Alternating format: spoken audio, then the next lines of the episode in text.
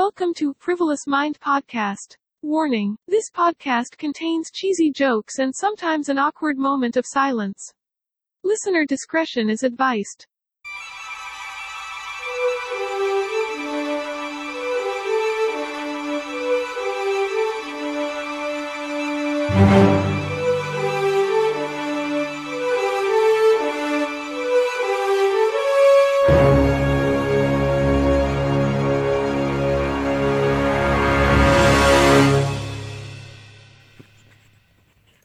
Wah, episode 2 langsung dikasih sama tema yang berat. Parah nggak tuh? Ini dari judulnya aja kayaknya udah sangat filosofis nggak sih? Apakah kehidupan ini nyata? Tadinya sebenarnya gue pengen judulnya adalah apakah kehidupan ini benar-benar nyata? Tapi kayaknya dengan pertanyaan apakah kehidupan ini nyata aja udah cukup membuat pertanyaan yang sedikit menggelitik sih kalau buat gue ya. Nah, eh buat yang belum nangkep apa nih? Apakah hidup apakah kehidupan ini nyata? Kayak apa sih maksud pertanyaan itu? Apa sih? Jadi gini ya yang gua ingin tanyaan tanyakan di sini adalah apakah kehidupan yang kita alami setiap hari itu benar-benar terjadi? Atau uh, kehidupan itu sekedar simulasi virtual reality? Mungkin entah kita sedang tertidur di mana tapi otak kita pikiran kita dibawa ke dunia ini. Kan gak ada yang tahu ya. Nah uh, sebelum jauh-jauh sampai sana, gue pengen menjabarkan arti kata per definisi dari pertanyaan gue itu tadi. Kan pertanyaannya adalah apakah kehidupan ini nyata?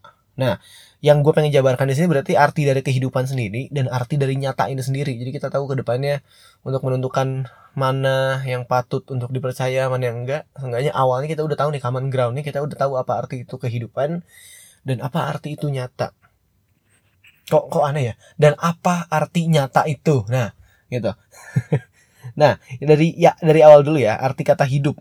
Nah gue carinya definisi dari KB, KBBI jadi nggak ngalor ngidul ke sana kemari. Kalau arti dari KBBI sendiri yang pertama arti hidup ya. Arti hidup atau kehidupan adalah masih terus ada bergerak bekerja sebagaimana mestinya itu kalau arti hidup ya. Atau juga hidup bisa diartikan di KBBI juga ada artinya itu bernyawa. Nah, ngomong-ngomong bernyawa berarti kan itu muncul lagi dong kata yang bisa didefinisikan. Nyawa sendiri adalah pemberi kehidupan kepada organisme fisik. Nah, itu kalau arti definisi dari KBBI-nya sendiri. Nah, dan yang terakhir apakah kehidupan benar-benar nyata? Tadi kan udah kehidupan, sekarang arti nyatanya sendiri. Nyata tuh apa sih sebenarnya? Nyata sebenarnya gimana ya? Nyata tuh udah kata dasar banget. Terus kalau gue cari di BB di KBBI, eh, BBI. Kalau gue cari di KBBI, arti dari nyata sendiri adalah yang benar-benar ada. Nah, berarti kalau bisa ditanyakan dengan rumit, apakah kehidupan, apakah pergerakan yang ada kita alami ini, nyawa yang kita rasakan ini itu benar-benar ada. Nah, bisa gitu kan bisa dibilang gitu kan. Nah kalau dilihat dari banyak pertanyaan dan banyak teorinya sebenarnya ada kemungkinannya tiga. Yang pertama sih gue uh, apa ya? Yang pertama gue akan membahas tentang kehidupan ini seperti simulasi. Apakah kehidupan ini simulasi atau enggak? Nah kehidupan itu simulasi atau bukan sih?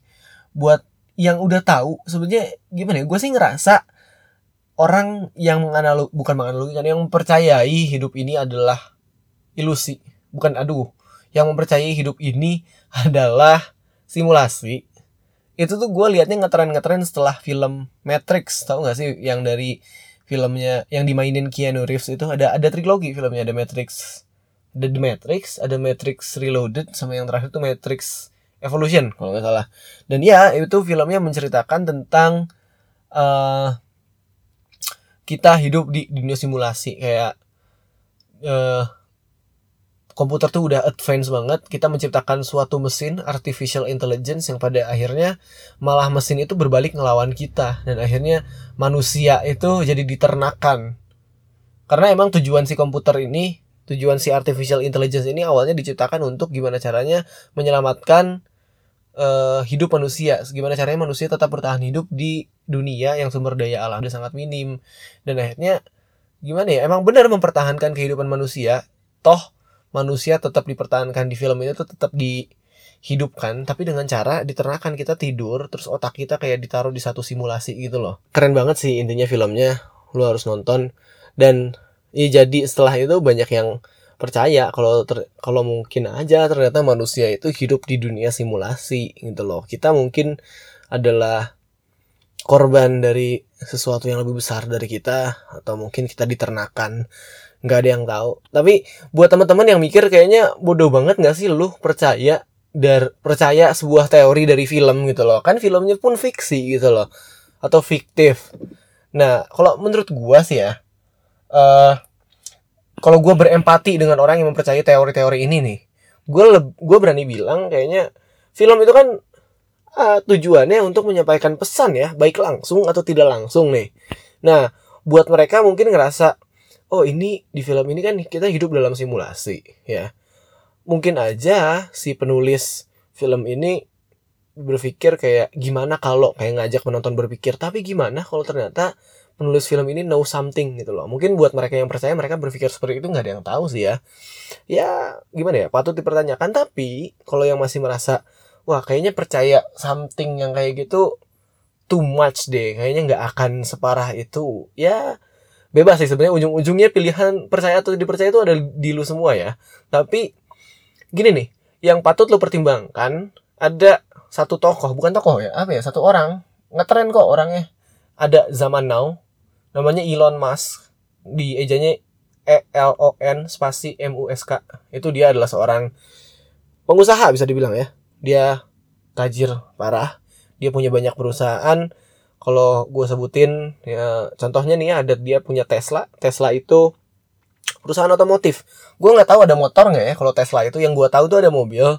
Mobilnya yang gue pernah lihat sedan. Nggak pernah lihat langsung sih lihat di TV bukan di TV di YouTube Nah, yang gue lihat mobil sedan ini mahal ya. Intinya mobilnya cepat, interiornya bagus. Tapi yang unggul dari mobil mobil bermerek Tesla milik si Elon Musk ini, mobil ini menggunakan fitur autopilot. Jadi gimana ya? Kasarnya lu beli mobil gratis supir gitu loh artificial supir nggak sih ya intinya itu mobil itu terkenal juga dan dia juga punya perusahaan namanya SpaceX Space SpaceX itu perusahaan apa ya perusahaan yang perusahaan swasta. Lu kalau tahu NASA NASA kan kerjaannya melihat alam semesta gitu ya riset tentang dunia luar sama. Bedanya kalau SpaceX punya Elon Musk ini itu swasta ibaratnya gitu doang sih. NASA BUMN kalau yang punya Elon Musk ini swasta gitu loh.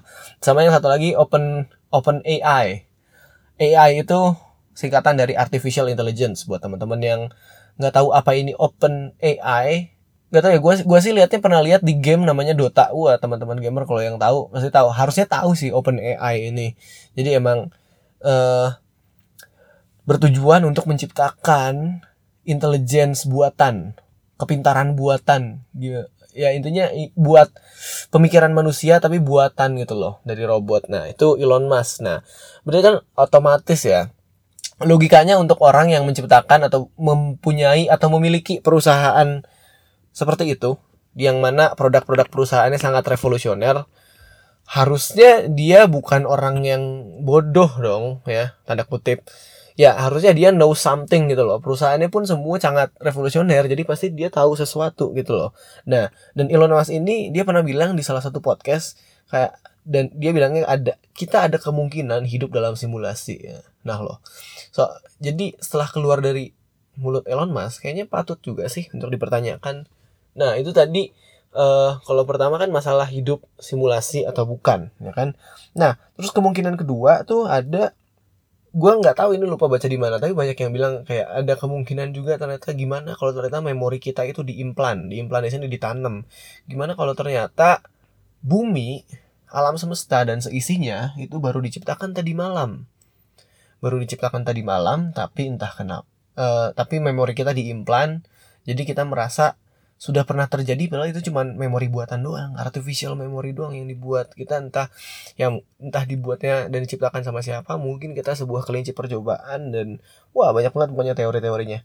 Pusing banget ke mana-mana ya ibaratnya sih teori ini. Dan sangat mana ya membingungkan dan memusingkan sebenarnya kan?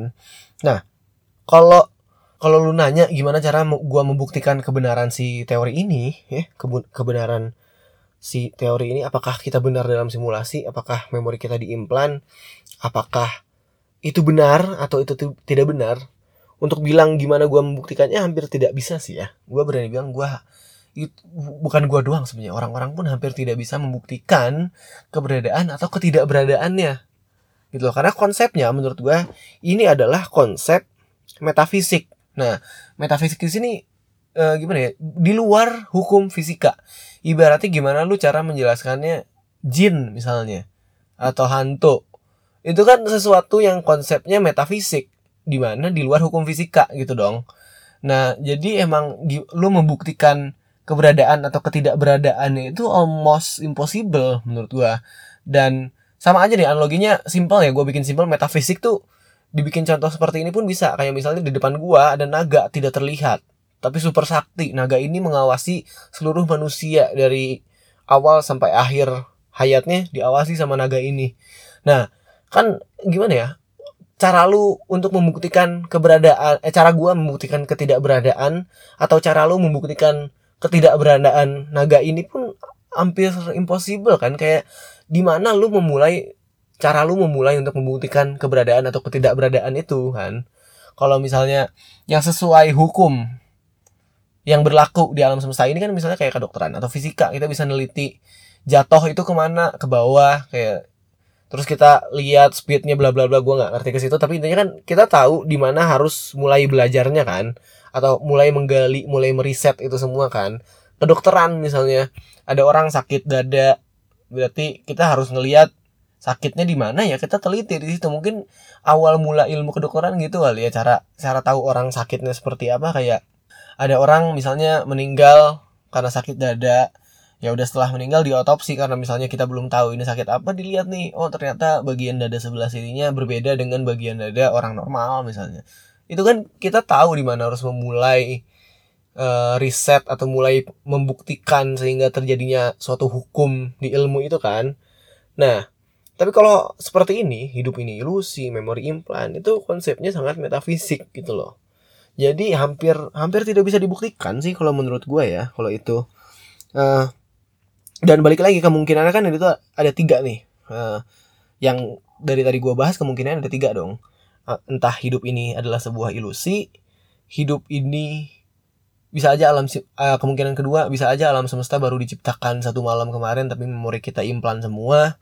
Atau bisa juga yang terakhir ya hidup ya hidup seperti ini gitu loh. Ya kan?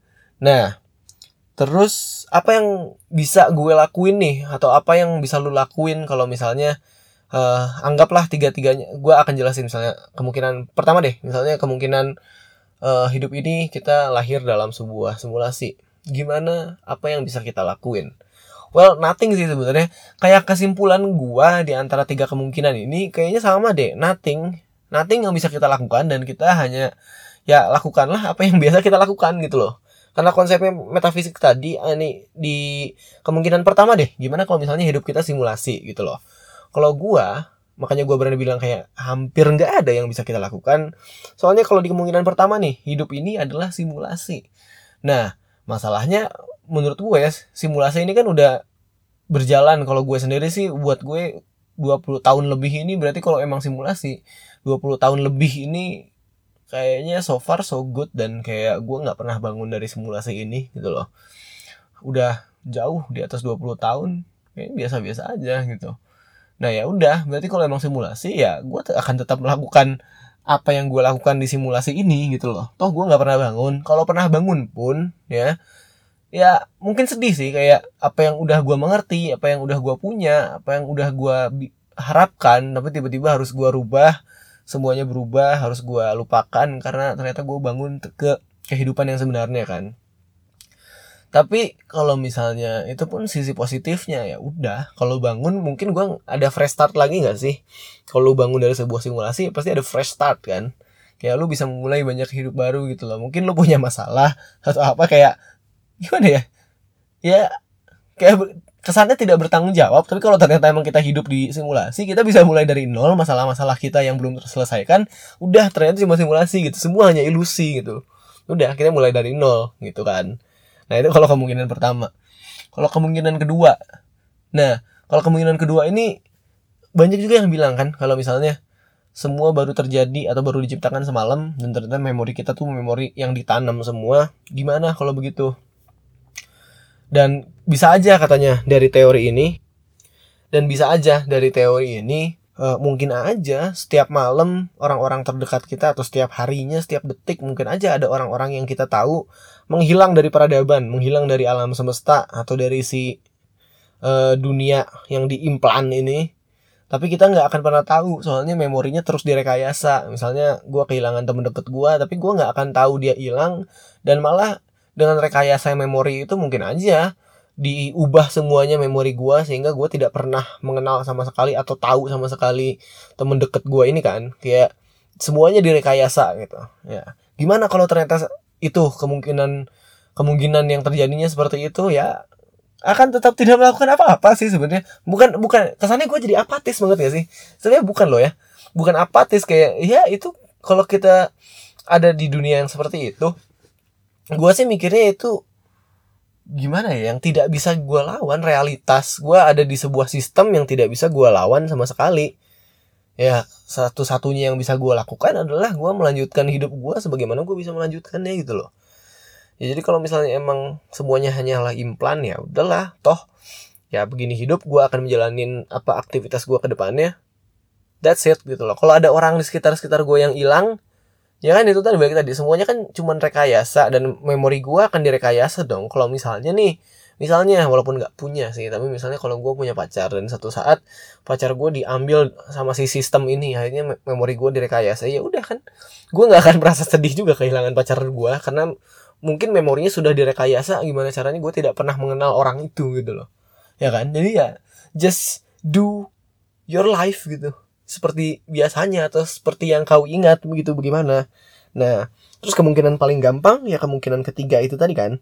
Kemungkinan ketiga kalau hidup kenyataan yang sebenar-benarnya adalah kenyataan yang kita jalanin sekarang gitu tiap hari. Ya udah sih kalau gitu ya udah gitu. Nah kalau ada yang nanya apakah harus takut dengan segala kemungkinan yang ada seperti ini? Menurut gue gimana ya kok pertanyaannya kok takut harus jadi keharusan gitu loh? Sebenarnya ya kalau kalau takut it's okay gitu loh. Yang penting takutnya jangan terobsesi gitu loh. Jangan ini ya nggak usah rasa takut sebenarnya. Apa pun kalau menjadi obsesi jangan gitu kan. Maksudnya obsesi di sini adalah sesuatu yang lu sangat sukain lu sangat puja-puja tapi jadi gimana ya obsesi jadi merusak diri lu sendiri. Kayak misalnya gue suka apa ya misalnya gue suka ngemil. Gue suka ngemil banget saking sukanya gue jadi terobsesi sama ciki misalnya. Gue terobsesi sama ciki. Nah kan jadi ngerusak kan? Kayak mungkin di saat gue bangun sampai gue tidur lagi gue akan makan ciki terus. Itu kan ngerusak kan? Itu terobsesi dengan ciki, dengan ciki namanya. Ya kan? Nah, kalau suka sekedar suka nggak apa-apa. Kayak pagi-pagi gue makan ciki atau malamnya atau sehari mungkin ya. Kayaknya selama dalam batas wajar dan masih dalam batas suka ya udah oke okay, gitu loh. Sama halnya dengan rasa takut ini kalau lu takut ya boleh lah untuk takut. Takut kan manfaat juga sih sebenarnya. Buat gue rasa takut adalah manfaat juga yang bisa gue rasakan. Kalau gue nggak punya rasa takut mungkin gue udah udah dikubur dari zaman kapan gue udah meninggal gitu kan. Rasa takut kan kayak menjauhkan gue dari bahaya yang ada gitu loh. Gue jadi tahu batasan gue sendiri. Tapi jangan terobsesi juga balik lagi tadi. Kalau lu takut dengan yang seperti ini boleh. Tapi jangan buat lu buat hidup lu malah mundur dari sini gitu loh. Maksudnya mundur tuh gimana ya? Kayak lu jadi sangat membatasi diri lu ke sana sini karena rasa takut lu tuh jangan gitu loh. Intinya ya kalau misalnya ditanya lagi apakah harus percaya dengan yang seperti ini? Bebas. Nah kalau percaya lu bisa milih. Kalau takut kan kayaknya kalau rasa takut tuh datang dengan sendirinya gak sih? Nah kalau rasa percaya itu kan bisa milih kan kalau misalnya setelah gue jelaskan ini lu nggak percaya ya it's okay gitu loh. It's your choice. Tapi kalau lu percaya ya udah. Tapi balik lagi jangan terlalu percaya. Dan jangan terlalu tidak percaya. Ya, ya sebenarnya bebas sih. Tapi itu cuman kayak saran doang. Soalnya kalau menurut gue kalau terlalu percaya jatuhnya jadi obsesi juga kan. Tapi kalau terlalu tidak percaya lu jatuhnya jadi apatis banget gak sih? Menurut gue ya kalau lu mengetahui sesuatu ya udah kalau misalnya lu penasaran perdalam aja. Baik lu percaya tidak atau tidak percaya kan. Kayak yang seperti ini kalau ditanya personal apakah gua percaya? Enggak sebenarnya. Kayak mungkin teorinya agak absurd ya menurut gua. Tapi apakah membuat gua berhenti mencari tahu tentang ini? Enggak dong jelas enggak. Makanya episode ini bisa bahas ini kan karena gua mencari tahu tuh ya kan? Nah tapi ya itu tadi makanya jangan pernah berhenti mencari menurut gua. Kayak lu tahu sesuatu teori konspirasi ya kan? Ya kalau lu tahu lu pengen perdalam lu masih kepo ya perdalam lah gitu. Dan balik lagi ke rasa takut balik kayaknya gimana ya ini kan masuknya teori konspirasi nggak sih? Kayak iluminas ya, iluminasi kira nasi Illuminati Rothschild terus yang Freemason kayak gitu kan itu teori konspirasi ya. Dan kemungkinan kan orang ada yang bilang itu ada organisasi beneran ya di belakang yang menggerakkan seisi dunia. Tapi juga ada yang bilang ya ini teori konspirasi sebenarnya dibuat hanya untuk menakut-nakuti orang yang sebenarnya konyol gitu loh. Itu kan ujung-ujungnya balik ke kepercayaan lo kan lo pengen percaya atau enggak ya terserah. Tapi intinya jangan terobsesi gitu loh. Itu aja intinya menurut gua ya kan? Ya sisi positif dari lu tahu banyak hal kan ya bagus gitu. Maksudnya eh kalau ada yang bilang teori seperti ini atau teori konspirasi itu adalah sesuatu yang sangat konyol tapi ada orang yang sukses kaya mungkin ya kaya beli rumah beli mobil gara-gara dia sebagai pembicara teori konspirasi ini kan ya itu itu manfaat karena lu tahu satu hal baik ya peduli lu percaya atau nggak percaya yang penting kan lu rasa lu memanjakan rasa ingin tahu lu. Balik lagi ke episode pertama gue kan gue bilang itu kan menjakan rasa ingin tahu lu selama tidak mengganggu bukan tidak mengganggu selama tidak melanggar norma-norma yang ada tidak dilarang oleh budaya dan legal secara undang-undang. Wah asik. Ya jadi intinya itu ya. Ya kesimpulannya di semua kemungkinan itu ya gue udah jabarin tadi di segala kemungkinannya ya percaya atau tidak percaya itu pilihan lo. Dan kalau takut itu wajar. Nah kalau rasa takut itu jangan dimanjain. Rasa takut itu ada dua. Emang karena lu tahu itu bahaya atau lu nggak tahu itu bahaya atau enggak jadi lu kayak masih ragu-ragu takut gitu loh. Intinya terus cari tahu.